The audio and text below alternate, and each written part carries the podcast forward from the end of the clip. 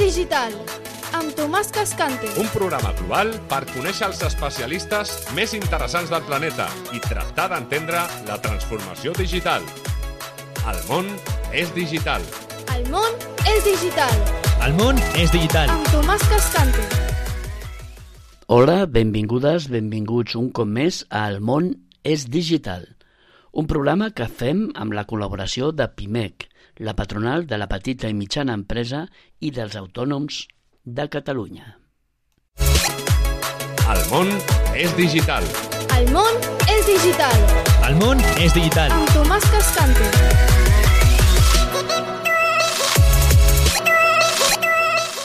Comencem el programa amb una col·laboració d'en Saúl Gordillo, un periodista especialitzat en temes digitals, que avui ens aporta el seu podcast Algoritme Transparent.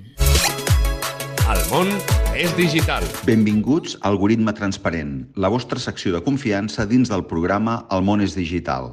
Avui tenim una notícia que, sens dubte, marcarà un abans i un després en el món de la intel·ligència artificial. Parlem de Sora, la nova joia de la corona d'OpenAI que ha arribat per revolucionar la creació de contingut audiovisual. Imagineu-vos poder crear vídeos realistes d'un minut amb només descriure en paraules el que voleu veure. Això ja és possible amb Sora, que ens ofereix una finestra a un futur on la creativitat no té límits. Els vídeos que hem pogut veure a Twitter i a la web d'OpenAI són simplement impressionants, un testimoni del gran salt que la intel·ligència artificial generativa ha fet amb aquest llançament. Aquest 15 de febrer ha estat, sens dubte, un dia per recordar. OpenAI no només ha superat les expectatives, sinó que també ha posat el llistó molt alt per a Google, Meta i especialment per a companyies com Midjourney i Runway. En un moment en què la indústria estava pendent de la crisi de lideratge a OpenAI, Sam Altman i el seu equip han demostrat que estan més forts que mai buscant finançament per continuar liderant la cursa de la intel·ligència artificial i la fabricació de xips. Però Sora no només és un repte per als competidors d'OpenAI, també planteja preguntes importants per sectors com el de la indústria audiovisual i per a la societat en general. En un any tan crític com aquest, amb eleccions clau en diferents parts del món, la capacitat de crear vídeos realistes en segons ens obliga a reflexionar sobre el poder de la intel·ligència artificial i la necessitat de regular-la per evitar la manipulació i la desinformació.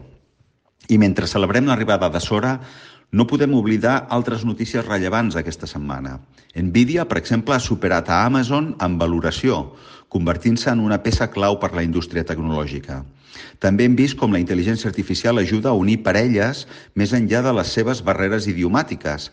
També hem vist com les autoritats dels Estats Units determinen que la IA no pot ser propietària de patents i com la ciutat de Nova York pren mesures contra les xarxes socials per protegir la salut mental dels seus joves.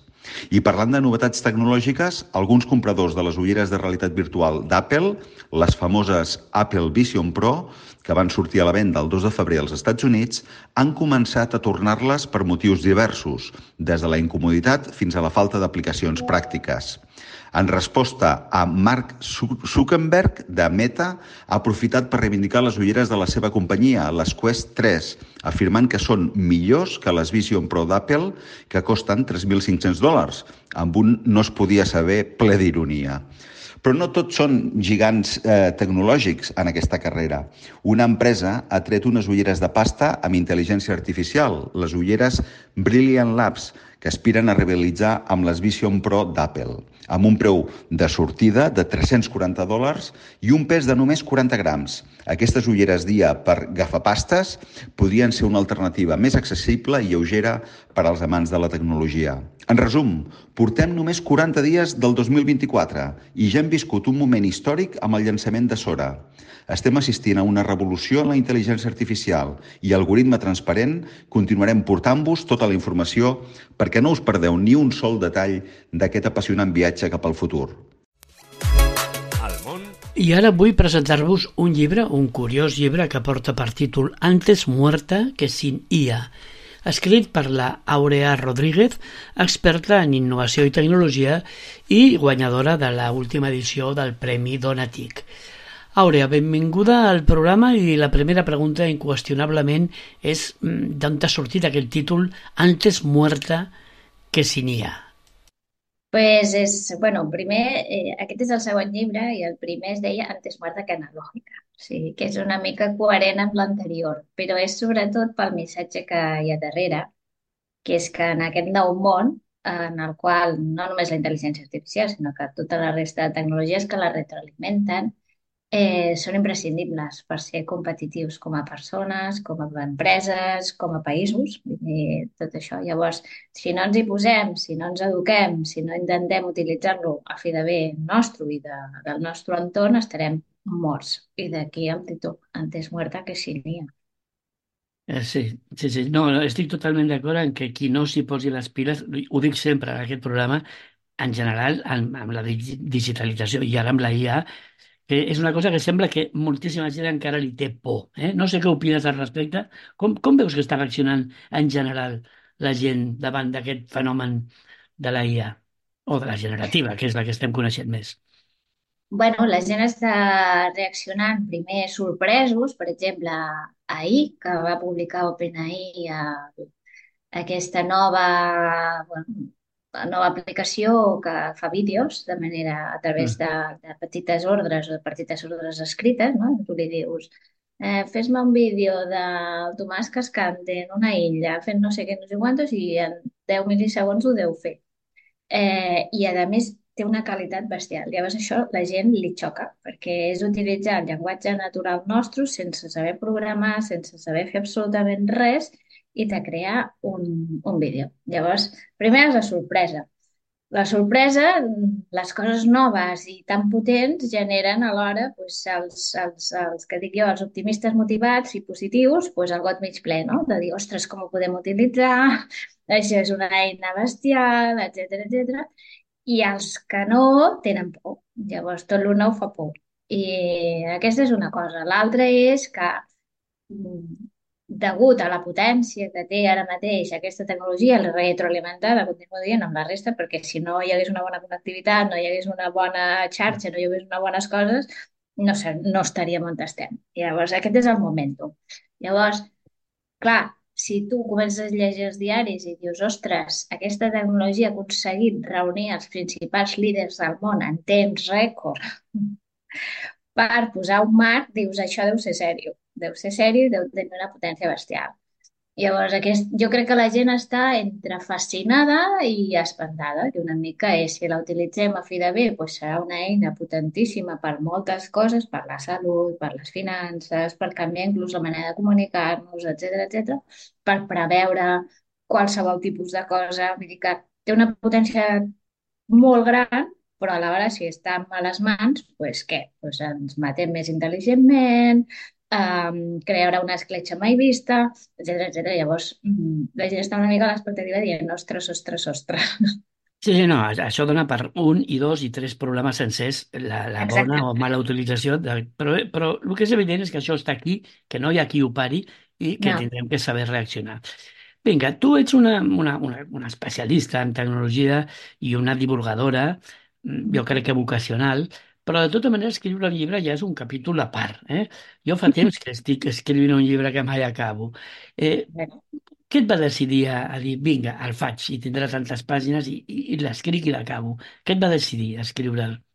Bueno, va decidir que vaig, al final les coses no comencen d'un dia per un altre, sinó van a poquet a poquet, és un procés, no? I llavors jo vaig començar a escriure una mica per necessitat, perquè bueno, era la meva manera d'expressar-me, no?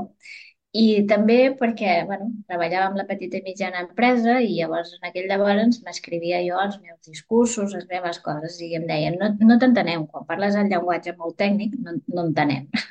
Quan deia blockchain, bueno, ja, la paraula blockchain ja no l'entén ningú, o sigui, ja comencem per llenguatge i vaig aprendre doncs, a dir, bueno, per molt especialista que siguis en una de les tecnologies, cada una té la seva jerga. Llavors, eh, entendre una mica què vol dir cada cosa, com funciona i tal, no és tan senzill. Llavors vaig dir, bueno, doncs com m'agradaria a mi que m'expliquessin les coses. Com m'agradaria. I aquí també poso una mica de focus com a dona, perquè el llenguatge de la tecnologia, el món de la tecnologia, doncs està molt masculinitzat. I llavors, si ho aterres a coses quotidianes del nostre dia a dia, la gent no entén. O sigui, la tecnologia no és una cosa que no es pugui entendre, sinó simplement que els especialistes saben del que saben i la resta és d'entendre per què serveix. I aquest és el que vaig començar. I a partir d'aquí, d'un post vaig passar a l'altre, d'aquí vaig passar uns articles, dels articles vaig passar i al final Uh, un dia una amiga meva em va dir, Àurea, t'has de presentar un premi. I vaig dir, jo? Què dius? I em va dir, sí, sí, amb tot el que has escrit i com ho expliques i tal. I vaig dir, bueno, doncs... Eh... I llavors un dissabte vaig recopilar tot el que havia escrit i vaig dir, ostres, això és un llibre. I aquí va començar el primer llibre, i del primer al segon. Sí, parlant de premis, jo recordo que ja estic a una organització, que és el Premi Donatic, i fa poc vaig tenir que lliurar un premi, i mira quina casualitat, que el vaig donar a tu. Sí. Doncs sí, sí. Sí, la Sí, veritat és realment que... el jurat va decidir premiar-te perquè realment er- eres, eres de premi. Eh, una cosa que també sempre parlem aquí i a tot arreu és que està molt bé anar en solitari, està molt bé ser un, un explorador, però col·laborar és important, tenir equip. Eh, Total. el, el teu llibre està fet bastant en col·laboració. Eh? Per què vas decidir això? Com ho va ser? Quina mecànica va seguir? Com, com va ser aquest, aqu- aquest tema de la col·laboració? Bueno, és que jo no sé fer les coses d'una altra manera. És que tot el que faig és... O sigui, soc... Crec que el més important de la vida és ser conscient de lo que tu no saps. perquè és la manera d'aprendre i la manera d'envoltar-te de gent que et pot ajudar. I en aquest món de la tecnologia o amb els reptes que tenim actualment en innovació, és que sol no pots fer absolutament res. Sempre t'has d'envoltar de gent que, que, que et complementa, que t'ajuda, que et complementa no només amb el coneixement tècnic, sinó també amb valors, perquè en un equip has de tenir una mica de tot, no? El que estira, el que, el que ajuda que l'equip estigui cohesionat, amb una sèrie de coses. Llavors, això jo ho tinc claríssim. I llavors, el llibre va sortir de manera natural. Vaig dir, jo no sé de tot, hi ha coses que m'agradaria que algú opinés. A més, és molt més divertit fer-ho en, en equip. Eh, per tant, eh, en el primer llibre vaig comptar amb una sèrie de persones, cada capítol té una temàtica, no? Pues parla de talent, una parla de, la, de, per exemple, amb aquest de petites i mitjanes empreses, de, de l'ètica, amb la tecnologia, etc. Llavors en cada capítol hi ha una persona més o menys de referència que, que dona la seva opinió i que, que és molt vàlida i per tant és que no ho sé fer d'una altra manera. No, no, està molt bé, és una mena de bibliografia però autèntica, real. Per comptes de citar un text, doncs incorpores a una persona que dona el seu parer. També és curiós que, que crec que a cada capítol has incorporat una cita, una frase d'algú, no? Des d'Einstein fins a, no sé si està el Groucho Marx, però està, està tothom per allà, no? Això també, Sí, no sé com has fet aquesta investigació, però també crec que està molt bé i és molt, molt adequat que vas posant frases de famosos que fan referència a lo que tu parlaràs. Sí, totalment. És que a vegades la història es repeteix, perquè ens dona la impressió que ara estem en un momentum de la intel·ligència artificial, del hype i tal. Però si mires, la intel·ligència artificial és del 1956 i i hi ha llibres de l'Isaac Asimov i d'altres autors que, que els llegeixes ara i són totalment contemporanis. O sigui, com aquesta gent tenia el cap per veure les coses 70 anys vista, 100 anys vista, no? o l'Einstein, que diu unes frases que són tremendament actuals, o gent que, que, que és de referència, també hi ha una que la gent me diu, que, que vaig posar, perquè se diu amb, amb el que diu el llibre, no? I llavors, que és de la Carolina Herrera, precisament, i que diu que, que l'educació és el principal vestit de la festa de la vida, no? I això és una mica el llibre, de dir, eh, què has de fer en aquest món? Doncs pues formar-te formar-te. Aquesta és la clau, no?, de tot. Eh, jo sempre dic que per què els països eh, com Iran eh, el primer que fan és prohibir l'educació de les nenes. Això és una cosa tremenda. Llavors dic, doncs perquè és una arma de construcció massiva. O sigui, la gent que pensa per si mateixa, que té esperit crític, que es forma, que pot, és la que pot d'alguna manera dir, bueno, doncs això m'agrada, no m'agrada, puc fer servir, no puc fer servir, si no ho vols fer servir, però amb criteri, no? I aquesta és una de les frases. Sí, no, no, no, evidentment que la formació és tot. I és una altra de les coses que, bueno, de fet, aquest programa ja el que pretén és formar, no? I a part d'informar. Com resumiries el, el, el, mig, el missatge principal que tu vols transmetre, a part de difondre la, la tecnologia i les aplicacions i per què serveix i per què no? Suposo que hi ha un missatge que és el que, el claim que vols transmetre al final. Sí, hi ha un missatge de, de que això està aquí, que, que està aquí, que ha vingut per quedar-se, que negar-ho no té sentit, però sobretot que, que és una eina d'empoderament i especialment a les nenes, les dones i tal, perquè si no tindrem una escletxa molt gran. I això és el que a mi m'espanta. I sempre ho dic que que una cosa és el que veiem, el que veiem les fotos, les dades, de dir tantes dones aquí, tantes dones allà, tanta dona representació, però el que no veiem és el pitjor, i això és el que m'espanta. I en aquest cas concret de la intel·ligència artificial, eh, jo dic que sóc feminista algorítmica, que és un subtipus del feminisme que el que ve a dir és que, és que ens hem de fixar molt bé, molt bé amb quines dades hi ha, com les utilitzem, quins algoritmes hi posem, que aquests siguin dissenyats i auditats eh, sense esbiaixos, perquè aquesta és una escletxa silenciosa i és la pitjor que tindrem. Llavors jo, les meves, les nostres àvies van anar a manifestar-se i a queixar-se i a lluitar per poder obrir un compte corrent eh, sense permís dels seus marits. Però és que si no anem amb compte i amb cura del que estem fent i el que estem creant, haurem d'anar a manifestar-nos nosaltres perquè els algoritmes no ens deixin fora. I això és el que vaig dir, ja no només les dones, sinó tothom. Per tant, eh, aquest és el missatge, que és una eina molt potent per empoderar-se i, i que ho hem de fer, ens hi hem de posar i que, com dic al llibre, eh, i com diu el consens de Beijing, ens hem de formar amb la IA, per la IA, preparar-nos per la IA i conèixer la IA. O sigui que les tres coses. I amb això estic. Totalment d'acord. Volia preguntar-te precisament pel feminisme algorítmic, eh, dos paraules increïbles, críptiques, però vaja, ja t'ho has explicat, per tant no t'ho pregunto.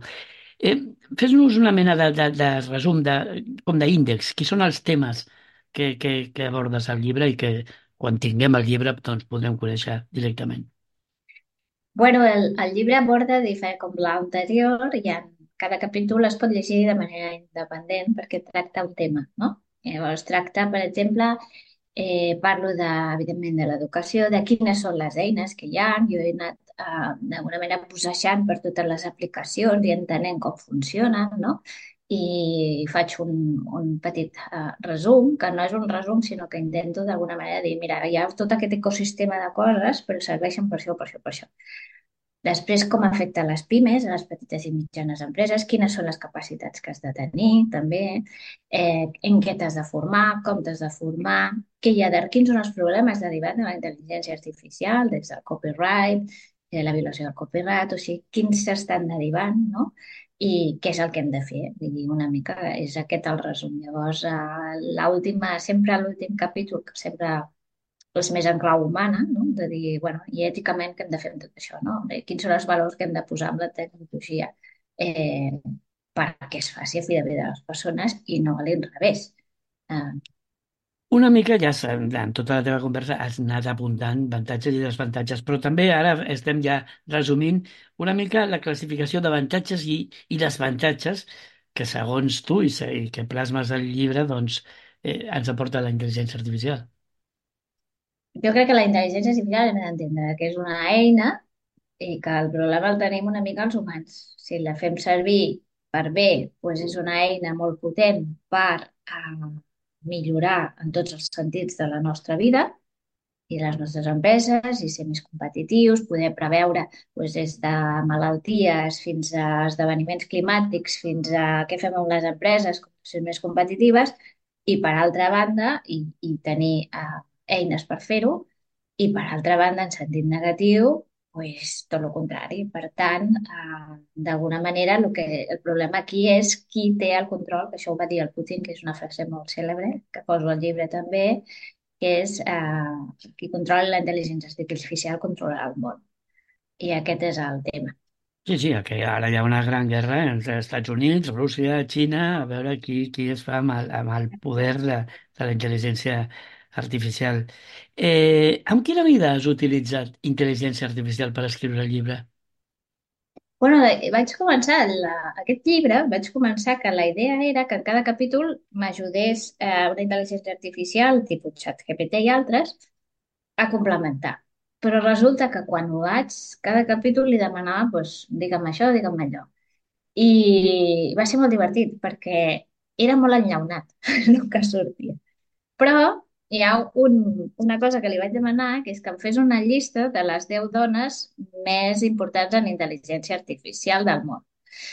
I llavors me va, en seguida va, va treure un llistat. I llavors la primera era una dona, i molt bé, de Stanford, tal, la segona també. La tercera dic, ui, aquest nom és molt raro. I ho vaig mirar i dic, ostres, és un home. O sigui, dels 10, dos eren homes. És a dir, hem d'entendre que aquestes uh, d'intel·ligència artificial no és una intel·ligència realment, perquè no pensa i no té sentit crític amb el que fa i no entén el que, el que t'està dient i al·lucina. O sigui, el que fa és composar, que és diferent a, a crear.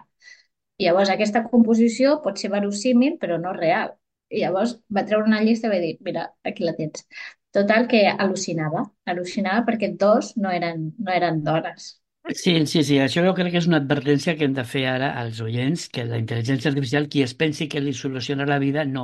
La No, intel·ligència artificial, eh, la generativa, actualment és una gran eina que has de controlar, és un ajudant, eh, però, que, exacte. però que de tant en tant mm, la- al·lucina, realment, realment. Eh, S'inventa coses, textos que, com tu dius, queden molt bé, però que cal comprovar que estiguin, que siguin correctes. Eh, estem ar- arribant al final de, del programa.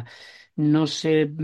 Sí, com veus que transformarà la intel·ligència artificial al món del treball? Que realment ja l'està transformant, eh? Però fes una, una previsió aquí, res, res, a tres anys, eh? Perquè això va que, que corre molt. Corre molt. Vull dir, el que hem de fer és que hem d'entendre que, que l'hem de fer servir com una eina que ens empodera i que ens ajuda a ser més eficients i competitius. I això totes les feines. O sigui, el que tinc clar és que afecta a tothom, a tots els sectors. Està arreu. Per tant, eh, el que hem de fer és eh, doncs això, educar-nos, educar-nos, educar-nos i d'alguna manera en la nostra buscar la manera com ens pot ajudar en el nostre dia a dia, tant a les empreses com a les persones. Però el que tinc clar és que estarà arreu, afecta a tothom, o sigui, el que no digui que esto no va conmigo, ja en sis mesos estarà obsolet. Ahir vam veure el del vídeo aquest, els vídeos, i vaig dir, ostres, el sector audiovisual, que jo ara hi treballo, vaig pensar, Déu meu senyor, Déu meu senyor. Eh, Sí, sí. perquè va molt Ah. ràpid. Bueno, Déu meu senyor, sí, però... eh, No, jo crec que això, pues, l'autèntic realitzador, el creatiu, pues, té, té una supereina. Super. Evidentment que trobarà moltes feines, però el creatiu jo crec que, que mai estarà... Bueno, jo dic, Eh? jo dic que és el pinzell del segle XXI. Sí, sí, exacte, és el superpinzell del, del segle XXI. Eh, ens queda un minut i poquíssim, no sé, et, et deixo que acabis tu, no sé que no t'he preguntat, però és important que sapiguem, no sobre la intel·ligència artificial, sinó sobre el teu llibre. Entre altres coses, on el podem trobar i si tens un e-book. Eh, L'ebook encara no ha sortit, però sortirà i el podeu trobar en les principals llibreries eh, online i físiques, o sigui, qualsevol nom que et vingui al cap, allí està, grans magatzems, eh, botigues online, marketplace.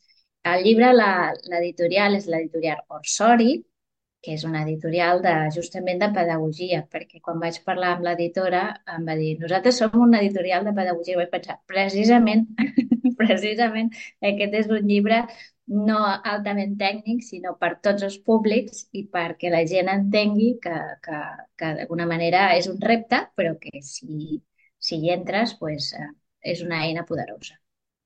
Bé, eh, deixo dir la frase final. Tanca el programa.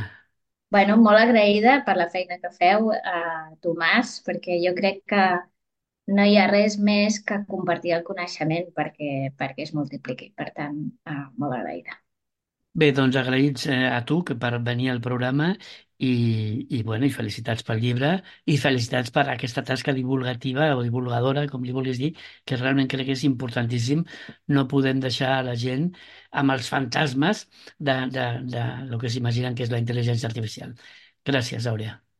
A vosaltres. Bé, doncs després de sentir a L'Àurea Rodríguez i el seu llibre Antes muerta que sin IA i d'haver sentit les notícies d'en Saúl Gordillo, eh, donem per acabat el programa d'avui. Ja sabeu, el món és digital i us esperem aquí, com de costum, la propera setmana.